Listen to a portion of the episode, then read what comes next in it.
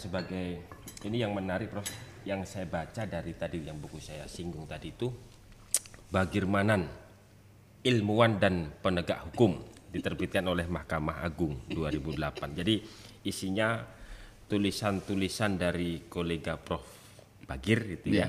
Ada hakim agung, ada hakim gitu ya. Nah, bagian pertamanya itu ya isinya isinya apa ya? Pengalaman kedekatan dengan Prof Bagir gitu ya. sebagai ap- sebagai ketua Mahkamah Agung. Iya, iya. Jadi ada ada hakim agung, ada kolega yang lain gitu kan. Eh, salah satu yang menarik itu Ya. tulisannya Prof Laica. Seberapa dekat Prof Bagir dengan Prof Laica itu? Dengan siapa? Prof Laica Marzuki. Oh ya. Eh, kami berteman jauh sebelum menjadi pejabat-pejabat di Republik ini. Jauh sebelum Jauh menjabat gitu ya, Prof. ya. Eh, pertama Laica sendiri kan doktornya dari Unpad dengan, Unpad. dengan Profesor Sumantri. Iya. Saya eh, ini saya tidak ikut tapi jadi kita sama Tuhan. ya. Eh, kemudian yang kedua ada pertemuan lain eh, meskipun dengan kegiatan mahasiswa kami sama-sama aktivis mahasiswa gitu. iya, iya. Beliau di eh, Ujung Pandang di Makassar, Makassar. saya di Bandung.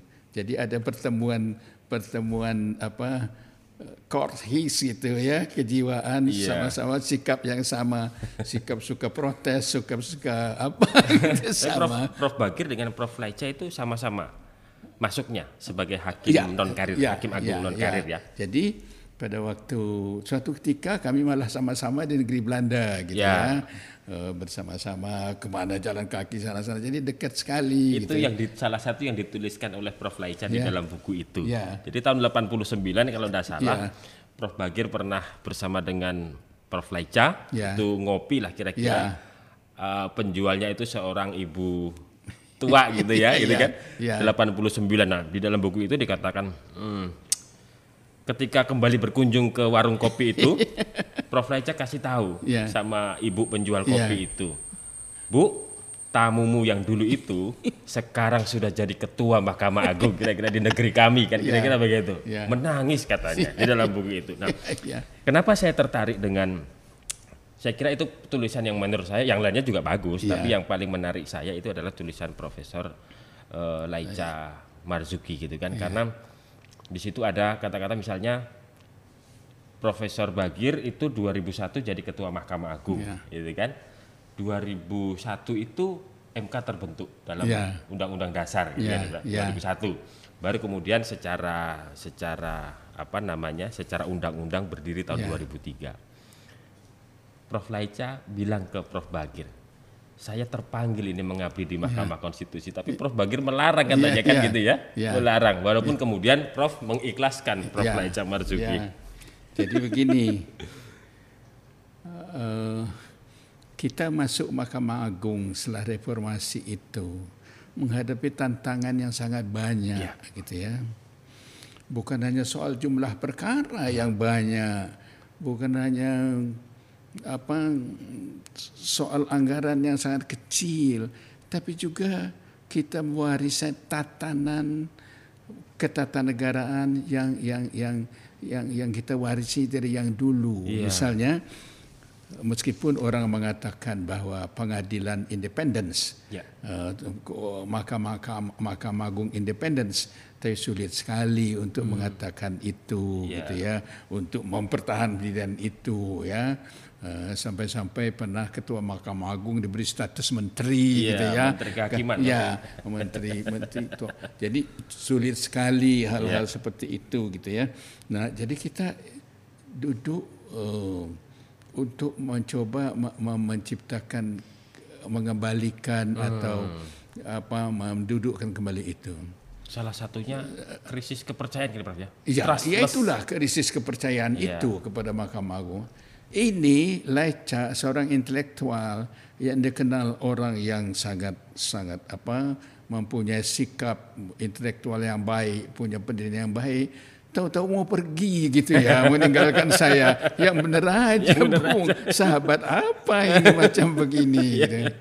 Tapi kemudian dia mengatakan, Pak Bagir, saya ya ada hal-hal yang tertentu sangat objektif. Ya sudah, saya katakan. Iya. Tapi harus harus harus MK harus harus hebat. Ya saya nggak bisa itu. Oh ya janji ini. Sehingga kami sering berolok-olok segala macam. Itu kerjaan kami kalau ketemu berolok-olok satu sama lain itu kerjaan kami sebagai sahabat gitu ya.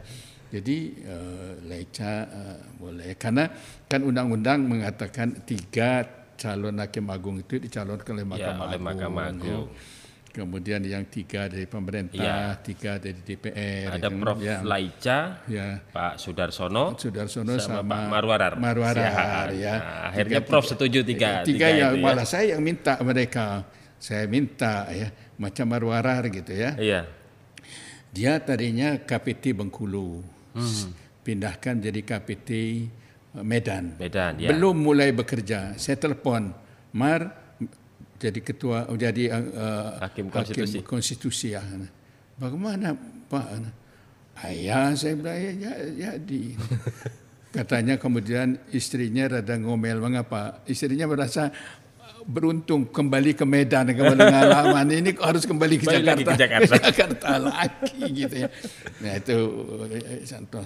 Tapi sa- saya beruntung karena teman-teman itu mudah sekali saya yakinkan gitu ya. Iya. "So, Ini ini ini urusan kita kita kita harus mesti ikut gitu.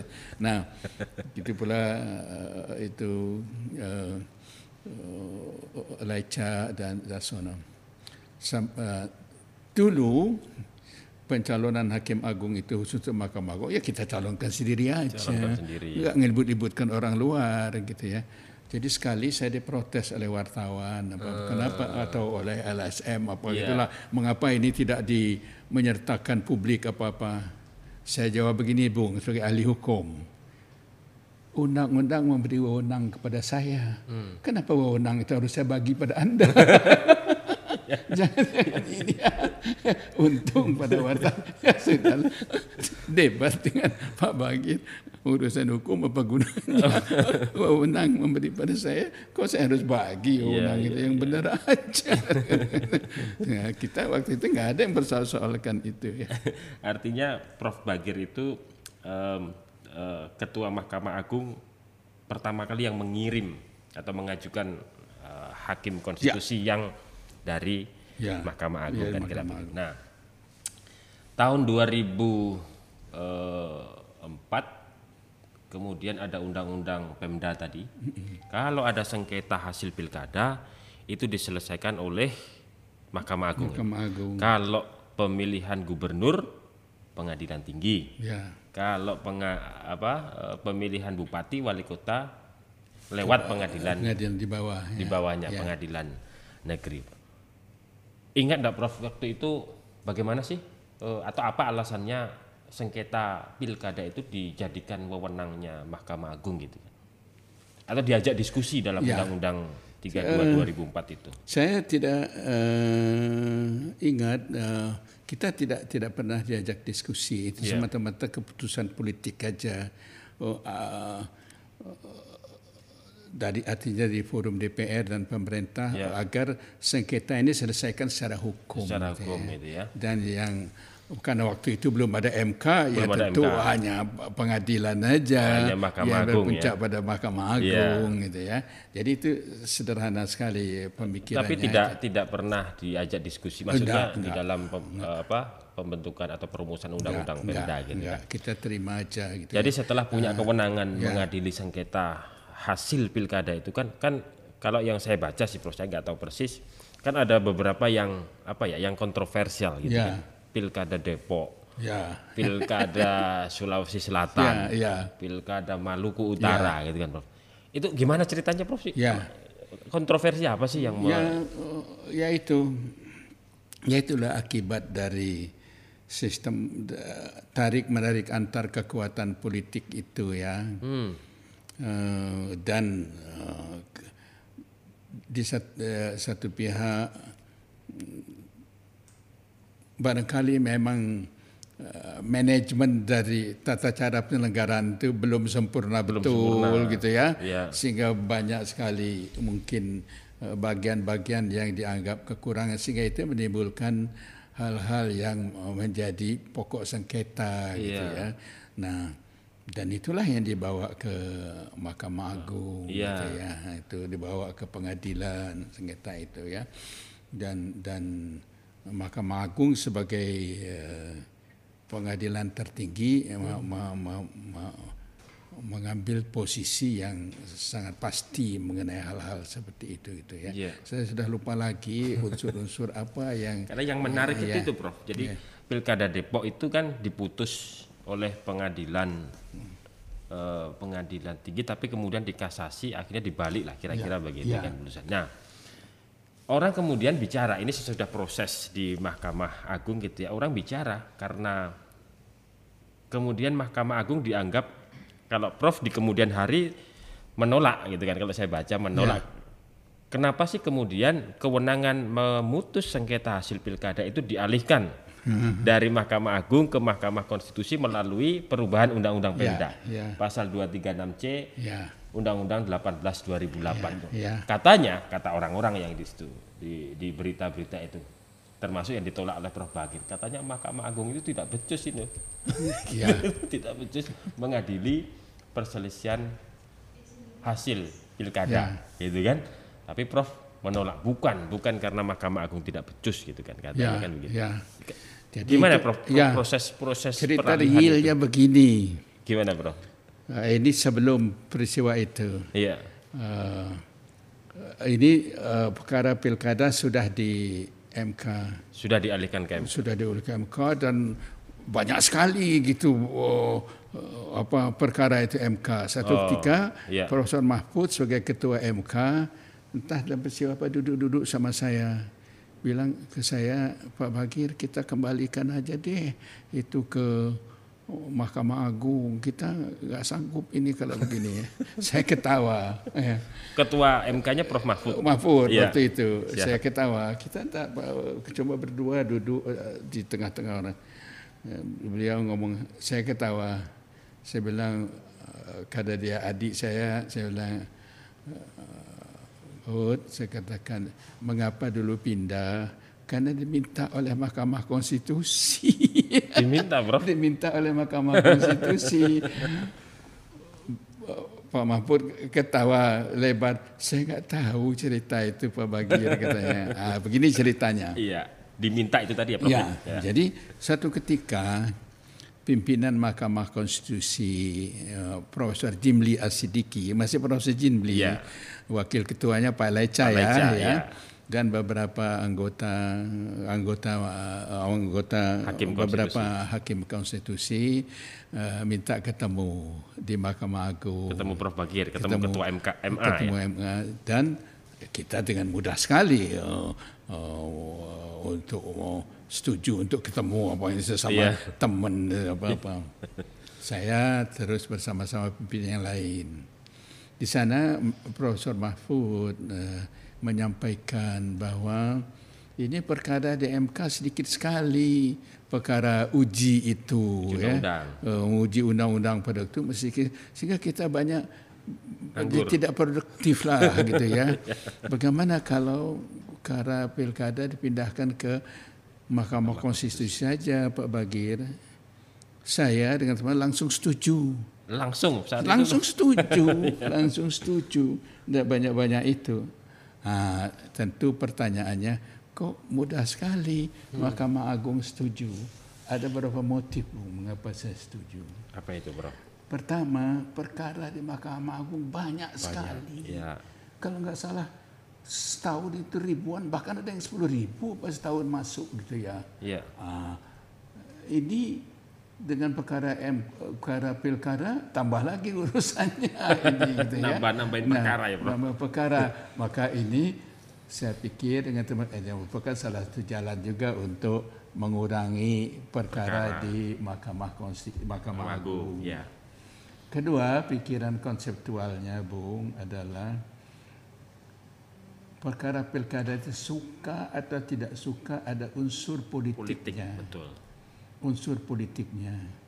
Saya dalam sejalan dengan pikiran-pikiran kita dengan dengan Pak Laica waktu Pak Laica masih sana ingin sekali agar pengadilan itu jauh dari dari unsur-unsur politik, unsur-unsur politicking itu Ya. gitu ya. Dan ini merupakan jalan bagi kita menjauhkan lingkungan eh, pengadilan dari hal-hal yang suka tidak suka harus berurusan dengan masalah-masalah politik, itu. Ya. Selain karena kita tidak ahli, kita para hakim tidak ahli urusan itu, kedua dapat menimbulkan komplikasi-komplikasi yang enggak keruan, Ya. tarik menarik politik dan segala macam, bahkan mungkin bisa terjadi tekanan politik, Ya, permintaan politik, macam-macam. Nah itu yang kedua saya katakan ya udah ini senang aja kita ini kan gitu. Kemudian yang ketiga unsur-unsur teknis perkara itu kok makin banyak makin banyak gitu ya Iya.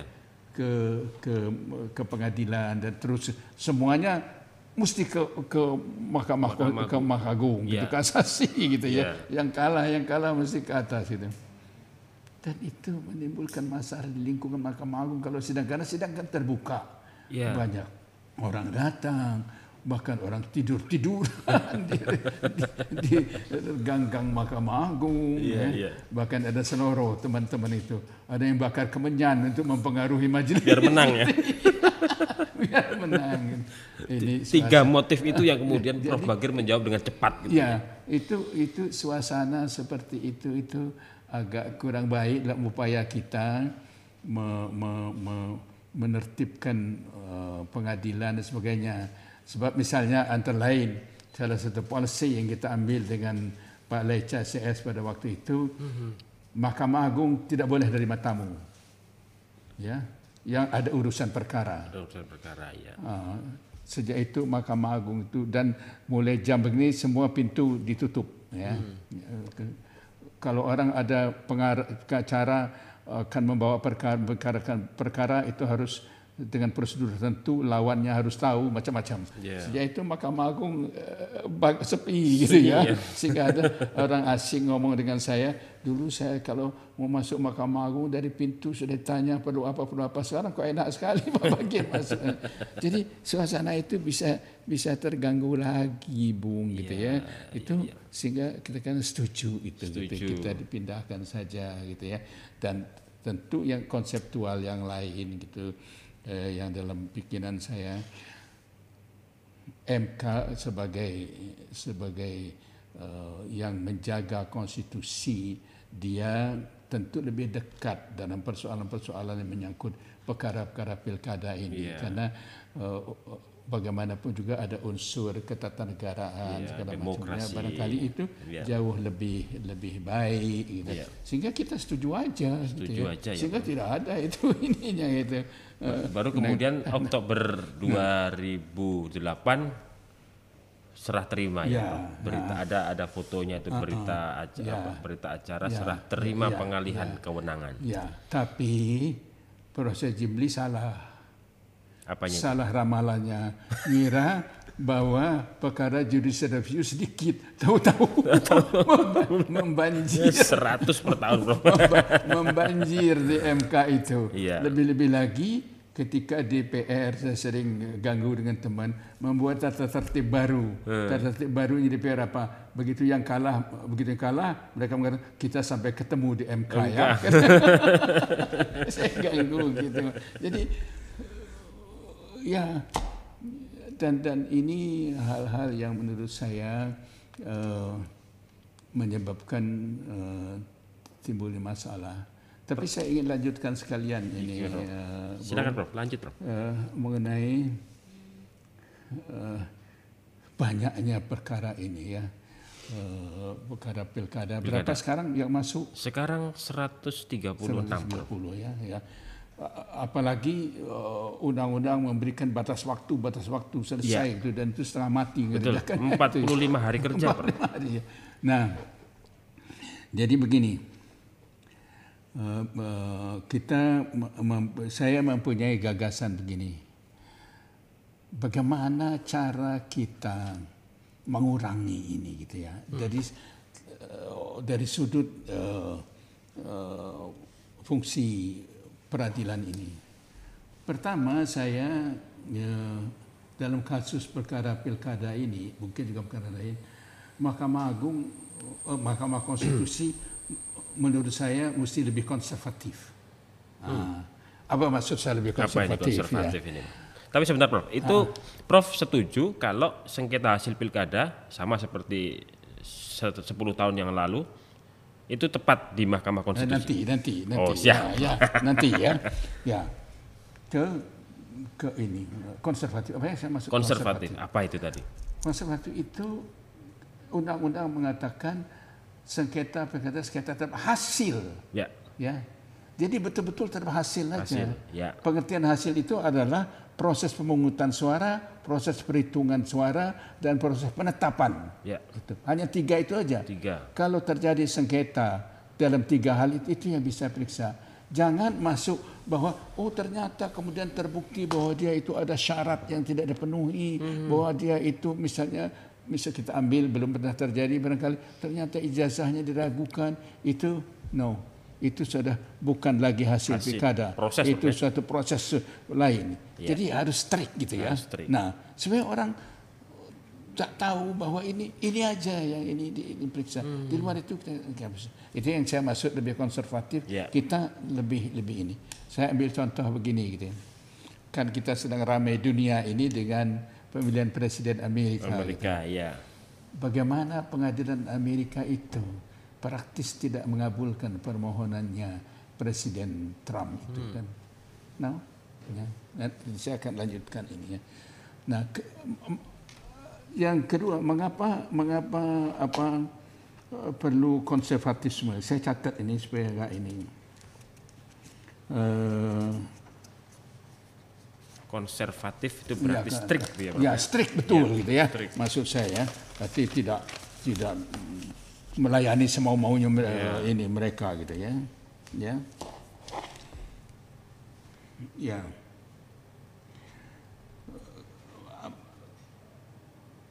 mengapa perlu sikap seperti itu ya hmm. saya katakan begini pertama bung jangan MK dianggap sebagai fasilitator hmm. untuk menyenang-nyenangkan mereka untuk berperkara gitu menunda-nunda kekalahannya dan sebagainya yeah. gitu ya dan yang ketiga, yang paling penting ini merupakan bagian dari pendidikan politik. Hmm.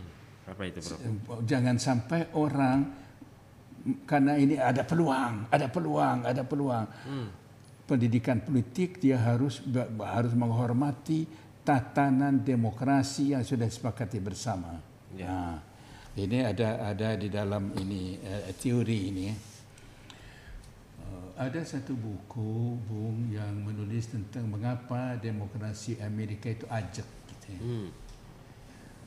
Selain karena kesejahteraan yang tinggi, kelas menengah yang kuat, ya, civil society yang gigih dan tangguh, ada dua unsur tidak tertulis yang selalu menjadi dihormati. Pertama toleransi, hmm. toleransi Kedua, sikap menahan diri. Ya. Sampai ada dalam sikap toleransi itu mengatakan begini, Anda bisa saja malam malamnya menangis karena paginya kalah. Hmm. Tapi karena Anda kalah dengan dalam proses yang demokratis, ya kita harus terima yeah, gitu ya. Yeah, yeah, yeah. Kita ini kok kok cari-cari gitu ya. Nah ini dengan sehingga orang nanti akan berpikir ah membawa kita akan sia-sia saja bagian dari proses MK melakukan fungsi pendidikan politik agar orang hmm. tidak menganggap bahwa pilkada itu bisa diproses dipanjang-panjangkan segala macamnya untuk menjadi kepuasan kepuasan politik sendiri gitu ya. Dua Jadi, dua sikap ya, tadi itu menarik ya, itu Prof ya, ya toleransi ya, dan menahan, menahan diri. diri ya, ini ya. ini kalau tidak salah Stephen siapa ini Prof? How Democracy Die. Yes, yes. Bukunya yeah. itu ya How Prof ya. Dies. Toleransi dan Lepis, sikap menahan diri. De Levinsky itu yeah. itu bagus itu ya. Jadi jadi kita begitu gitu. Jadi sehingga pengertian Mahkamah Konstitusi bukan sebagai the guidance of the Constitution, not just the guide bagaimana konstitusi dilaksanakan, tapi bagaimana orang menjadi konstitusionalis yang baik gitu ya. Bahwa dia menjunjung tinggi Ya. tatanan budaya berdemokrasi yang baik itu. Itu itu ini kalau ini akan tetap bertahan di Mahkamah, Di Mahkamah Konstitusi. Konstitusi. Dalam salah satu tulisan saya, Bung, saya katakan perlu dipikirkan ini perkara pilkada ini kalau macam begini buat aja forum tersendiri gitu ya di luar pengadilan. Karena kenapa? Organisasikan unsur politikingnya yang besar itu gitu ya. Malah di luar pengadilan, Prof. Ya, ya. Nggak usah Jadi pengadil, jadi apa ini? Apa komisi atau apa apalah namanya itu Tapi ya. berfungsi untuk menyelesaikan Menyelesaikan sengketa. sengketa, ya. Bukan di Misalnya. Mahkamah Agung, bukan, di, bukan bukan di di Mahkamah Mahkamah Konstitusi. Kita buat satu forum sendiri gitu. Kalau unsur-unsur politik itu masih banyak ke depan gitu ya. Kecuali kalau betul-betul ini soal-soal yuridis betul gitu ya. Pasti soal di- politik, jadi, kan pilkada, jadi-. Ya, tapi tentu orang akan protes karena juga saya sering protes. Forum lagi, forum lagi. Lembaga baru. Nama lagi lembaga lembaga baru. Tapi itu sebagai satu pikiran aja. Tapi karena- memungkinkan, Prof ya. Bukan peradilan berarti. bukan gitu ya. Tapi tetap diberi kewenangan untuk memutus sengketa Hmm, itu. iya. Penetapannya mempunyai kekuatan hukum ya. Iya, iya. Uh, itu itu itu uh, hal seperti itu. Tapi tentu harus pikirkan matang-matang betul ya. ini Kalau ini dapat diperbaiki sistem yang sekarang, mekanisme yang sekarang ya. Uh, Kalau kata Prof Jimli itu, Prof, itu menjauhkan iblis politik dari lembaga peradilan gitu betul. katanya. ya, ya itu.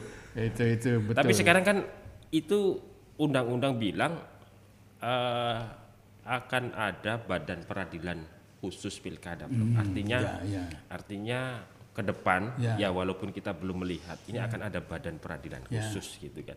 ya. Kira-kira Saya tidak setuju kalau itu namanya badan peradilan. Tidak lagi, setuju ya, Prof. Ini menarik. Ya. Ke, ke, mengapa kalau badan peradilan ya mengapa tidak biarkan di Mahkamah Konstitusi ya, oh, dengan dengan pembaharuan mekanismenya saja, iya. pembaharuan tata kerjanya saja, kehususannya saja Iya. daripada kita nambah-nambah badan peradilan lagi gitu ya. Kira-kira gitu, Bung. Ya. Ya, jadi Prof, ini 136 perkara permohonan sudah masuk ke Mahkamah Konstitusi. Dari 136 itu dalilnya masih apa, Prof? Eh, dalam telaahan itu eh, dalilnya masih macam-macam. Baik di level proses yang tadi Prof sampaikan, pelanggaran terstruktur sistematis dan masif, money politik, netralitas ASN gitu kan. Itu masih macam-macam. Prof. Em, melihat itu, ini sudah sudah tiga sejak 2015 kita sudah pilkada serentak ini, Prof. Dengan pelanggaran-pelanggaran dengan dalil-dalil permohonan Ya. perkara yang hampir serupa lah kira-kira, Ya. Prof. Artinya apa yang Prof bayangkan tadi bahwa MK itu harus konservatif, Ya. ini kira-kira sekarang juga akan menemui tantangan lagi karena dalil-dalil itu masih masih di level proses. Ya. Pandangan Prof Bagir Ya. gimana? Ya. Eh, dan itu memberi pelajaran pada para lawyers itu. Oh, karena biasanya diwakili oleh para Ya, lawyers kan ya, mereka ya. Jangan memasukkan hal itu sebagai dasar untuk berperkara. Karena pasti akan ditolak oleh Mahkamah Hmm. Konstitusi. Iya. Pasti paling tidak akan mengatakan tidak dapat diterima ini karena bukan bukan ini Bukan bukan, bukan haknya gitu. Nah, jadi jadi itulah maksud saya dan itu me- mendidik orang untuk betul-betul menggunakan kaedah-kaedah hukum itu se- sesuai dengan dengan maknanya dengan baik bukan Iya. bukan mencari-cari celah gitu ya. Iya, Ah, iya. Tapi ini ada pengalaman lain, Bung. Perkara yang banyak begini. India suatu ketika pengad, eh, dia kan pengadilan federal India ya. Dia menerima perkara negara bagian. Suatu ketika perkaranya itu jutaan. Jutaan Ya. perkara. Backlog jutaan gitu ya. Jadi kalau kita di Mahkamah Agung pernah 30 ribu, itu terlalu kecil dibandingkan kecil, dengan jutaan itu, ya, Prof, ya. jutaan. Eh, itu itu pokoknya banyak sekali kita. Bagaimana mereka mengatasi itu selain mereka kemudian berundang-undang membatasi macam-macam itu, itu mereka pelajari semua perkara-perkara yang mirip sama mereka putus sekaligus gitu ya. Bila perlu 100 perkara itu dijejerkan satu dikus putusannya ini. itu di India pernah dialami seperti itu gitu ya. Yeah. Mereka mereka putus sama. Misalnya perkara perceraian misalnya. Yeah. Ya sudah perceraian berapa ratus itu kita jejerkan jadi satu. ini. Kalau semua misalkan mengabulkan permohonan cerainya sudah jadi satu aja. Yeah. Toh yang esensinya mengabulkan permohonan perceraian. Pertimbangannya soal ya memang barangkali itu agak kurang ini. Tapi itulah cara mereka Cara. mengatasi waktu itu. Itu Iya, antara iya. lain untuk mengatasi backlog perkara yang begitu banyak, gitu Banyak. ya. Nah kita juga bisa juga pikirkan ini kalau dalil sama, dalil sama ngarang-ngarang sama apa-apaan ini kalian ini. Prof, ini yang ini ini praktik di Mahkamah Konstitusi. Perkara-perkara pilkada itu kadang-kadang pemohon itu menghadirkan ahli, Prof. Ahli ya. Gimana sebetulnya perkara pilkada? Apakah relevan menghadirkan ahli atau memang harus menghadirkan ahli? Ya. Tapi Prof belum pernah ya? Menjadi- Belum, belum belum. ya. Dan saya mudah-mudahan enggak. Begini, seperti saya katakan tadi, bahwa perkara pilkada bagaimanapun ada unsur politisnya. Politis, ya. Saya agak takut ahli nanti bias, Hmm. ya, nanti bias gitu mengenai hal-hal begini. Sebab ini peristiwa konkret. Ya. Kalau ada pelanggaran pelanggaran yang konkret, kecuali kalau menyangkut penafsiran atau menyangkut konsep teori, ini kan tidak. Tidak, ya. Menyangkut apakah oh ini ternyata pemilih ini orang masih di bawah 15 tahun ya sudah gitu. Teori. Faktanya Oh, begitu, Undang-undang mundang mengatakan 15 tahun belum punya hak pilih. Ya udah. Kenapa harus ahli-ahli lain gitu ya? Saya agak agak udah udahlah itu ya. Ja- ja- Jangan itu hanya sekedar ingin menakut-nakuti hakim MK didatangkanlah para ahli itu. Berarti sebetulnya tidak terlalu Tidak terlalu eh, signifikan penting Prof, ya. untuk perkara itu. Kalau perkara judicial review Ya, itu ahli itu penting karena judicial review itu masalah teori. teori. Teorinya banyak ini sekali complicated sekali gitu ya mengenai teorinya itu ya. Berarti- kok menyangkut konsep-konsep hukum. Ya. Ini tidak ada soal konsep. Itu lebih bagus banyakin saksinya, Bro. Peristiwa. Lebih banyakin saksinya gitu kan Iya, daripada iya, ahli. Iya. Karena memang ya itu tadi mungkin salah satunya adalah ya karena ahli itu kan menguatkan dalil gitu ya. Iya. Ya, ya. Mungkin ya itu tadi sebagai alat bantu meyakinkan untuk tidak mengatakan menakut-nakuti gitu. hakim konstitusi tapi ya itu saya juga eh, tapi itu itu fakta Prof. ada ada beberapa perkara yang eh, terutama perkara-perkara apa ya yang daerahnya itu besar gitu ya. Itu cenderung untuk mengajukan ahli gitu ya, Pak. Karena itu saya kalau sekali-sekali oleh MK oleh pihak diminta diminta sebagai uh, keterangan saya betul-betul taat kepada ini keterangan ilmiah, keterangan uh, analisis uh, legal uh, science sebetul-betul gitu. Jadi saya kalau tafsir tafsirnya tafsir berdasarkan itu saya tidak tidak tidak tidak tidak mau saya terpengaruh oleh ini. Jadi itu terus terang aja semua ketika saya misalnya mengatakan ini ini dari segi etika politik tidak benar karena ada teori tentang tentang konvensi ketatanegaraan Iya. tentang political ethics gitu ya Iya. yang harus dihormati. Jadi bagi saya keterangan ahli ya sebagai ahli, Sebagai ahli. bukan sebagai pokrol bung gitu ya. Memang kalau secara apa ya, Prof? Kalau soal hasil tadi kalau Ya. MK misalnya Prof Bagir berpendapat harus konservatif soal hasil, Ya, ya, sebetulnya ahli tidak ter- memang tidak terlalu dibutuhkan gitu ya. Sebetulnya ya itu eh, di, di negeri lain termasuk jarang orang mau ngabul-ngabulkan ini. Kalau nggak betul-betul standar betul. Karena itulah ah, ke- kemudian ah, dalil yang ketiga mengapa harus konservatif. Kita menghormati proses politik di mana partisipasi langsung rakyat. Iya. Pemilihan pemilihan pilkada itu kita menghormati partisipasi langsung rakyat. Ya. Ya.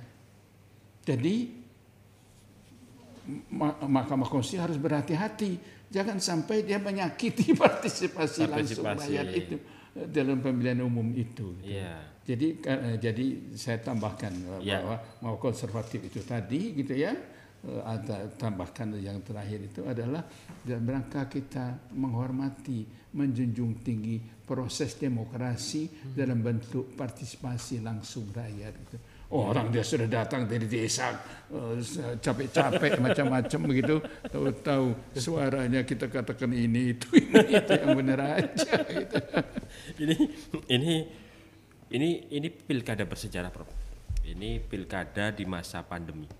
Mm-mm. Begitu juga MK. Ini Ya. pertama kali MK menggelar sidang. Ya. Mungkin akan kombinasi secara apa? Secara online maupun secara Ya. luring, Prof. Artinya eh, saya belum tahu Prof. Bagir pernah sudah pernah sidang secara online dengan Enggak, Mahkamah enggak. Konstitusi. Saya datang sini. Kira-kira eh, apakah ada bedanya nggak ya, Prof? Eh, sidang jarak jauh, Ya. ya sidang Zoom gitu misalnya Ya. melalui jarak jauh dengan orang datang langsung ke MK itu akan mempengaruhi kualitas Ya. kualitas putusan atau kualitas perkara. Ya. Saya pernah ngobrol dengan salah seorang pimpinan Mahkamah Agung karena mereka melakukan sidang-sidang disebut teleconference itu ya. Ya. Saya bilang hati-hati dengan teleconference itu. Kadang-kadang kita menilai apakah orang itu memberi keterangan benar atau tidak dari mimik mukanya Mimik, ya. dari cara geraknya seorang hakim gitu. Kalau ada teleconference seperti itu, apa anda bisa melakukan itu? Hati-hati. Hakim hakim itu memang hakim senior, Pak betul ya Pak Bagir pengalaman saya. Kadang-kadang kita melihat keterangan ah ini pasti bohongnya orang dari iya, segi gaya cara ngomongnya itu. Nah itu saya saya kat- katakan gitu. Kadang-kadang kita tidak dapat mengikuti sesungguhnya dan kita tidak tahu siapa yang di sampingnya kan. Yang- Pembisiknya siapa? yang di sampingnya ngomong dengan Berarti pasti akan ada apa implikasinya ya Prof ya? Ya, Persidangan ya, jarak jauh ya. melalui Zoom dengan datang langsung ke Ka- karena itu karena itu dulu saya saya pernah ngobrol dengan teman-teman tidak apakah eh, dari segi pertaruhan eh, tatanan yang berlaku gitu apakah menunda pilkada itu tidak dimungkinkan selama ini ya Pandemi. pandemi ini cuma ada dalil menjawab saya Pak Bagir apa Pak Bagir sudah dapat menentukan kapan pandemi itu bisa berakhir? Gitu bisa 10 tahun. Apa apa bagaimana? Iya betul juga gitu ya. Cuma ya artinya begini Bung.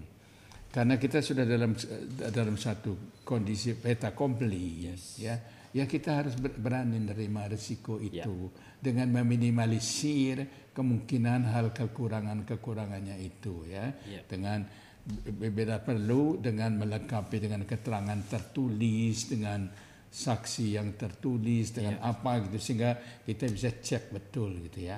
Kita cek memang betul. memang ini menjadi kira gitu ya. menjadi tantangan besar Ya, kira Prof ya, ya. bagi MK dan juga bagi para pihak. Terakhir Prof, ini kita memulai sidang, Mahkamah Konstitusi akan memulai sidang nanti tanggal 26 Januari. 26 Januari kira-kira satu minggu lebih ke depan. Eh, secara luring maupun secara eh, daring. langsung ya. Ya, itu. Memang tidak bisa menutup kemungkinan untuk menggelar secara langsung kan gitu, Prof. Nah, Prof, ini terakhir kira-kira apa yang akan Prof Bagir Manan sampaikan kepada seluruh pemohon ini yang 136 nanti Ya. ketika eh, bersidang di Mahkamah Konstitusi dalam kondisi seperti Ya. sekarang ini. Pertama eh, para pemohon itu harus siap kalah. Siap kalah. siap kalah. Seorang demokrat Bunga- tidak hanya siap menang, Ah, tidak hanya dia siap siap, menang, kalah. Itu siap seorang kalah. demokrat tuh ya. Sepanjang kekalahannya dilakukan secara demokratis, secara demokratis. Ya. Apalagi kalau nanti dia dinyatakan ditolak permohonannya eh, oleh putusan pengadilan. Ya. Ya, pengadilan itu sudah kita percaya sebagai wasit yang tidak berpihak. Ya. Sehingga putusannya mesti putusan yang harus kita kita, kita terima sebagai benar Ya. meskipun tidak ada kebenaran yang final itu meskipun begitu gitu ya. Nah, saya eh, cerita tadi itu di California pernah ada satu perkara besar gitu.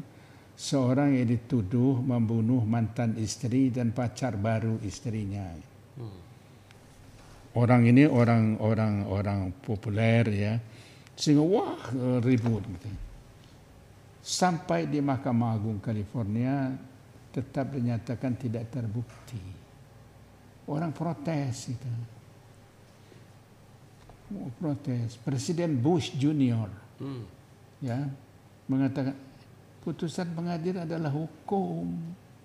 That's the law. Kita harus hormati. Iya. Bukan soal setuju tidak setuju. Ini putusan pengadilan. Nah, itu satu sikap itu penting.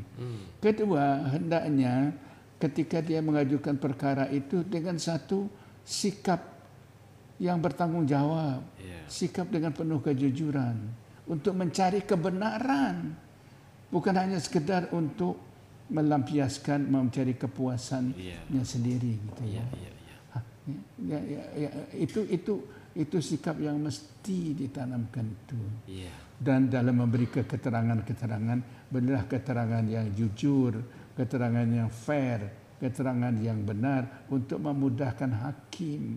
Jangan hakim dipersulit oleh ke- keterangan-keterangan yang tidak benar itu. Itu pesan saya kepada mereka. Baik. Dicarilah kita menjadi seorang demokrat yang baik gitu ya. Baik. Sebab kekalahan hari ini itu bukanlah merupakan akhir dari segalanya. Iya. Kekalahan hari ini bisa merupakan kemenangan di hari esok. Terima Iya. kasih. Terima kasih Profesor Bagirman. Silahkan kembali tehnya, Prof.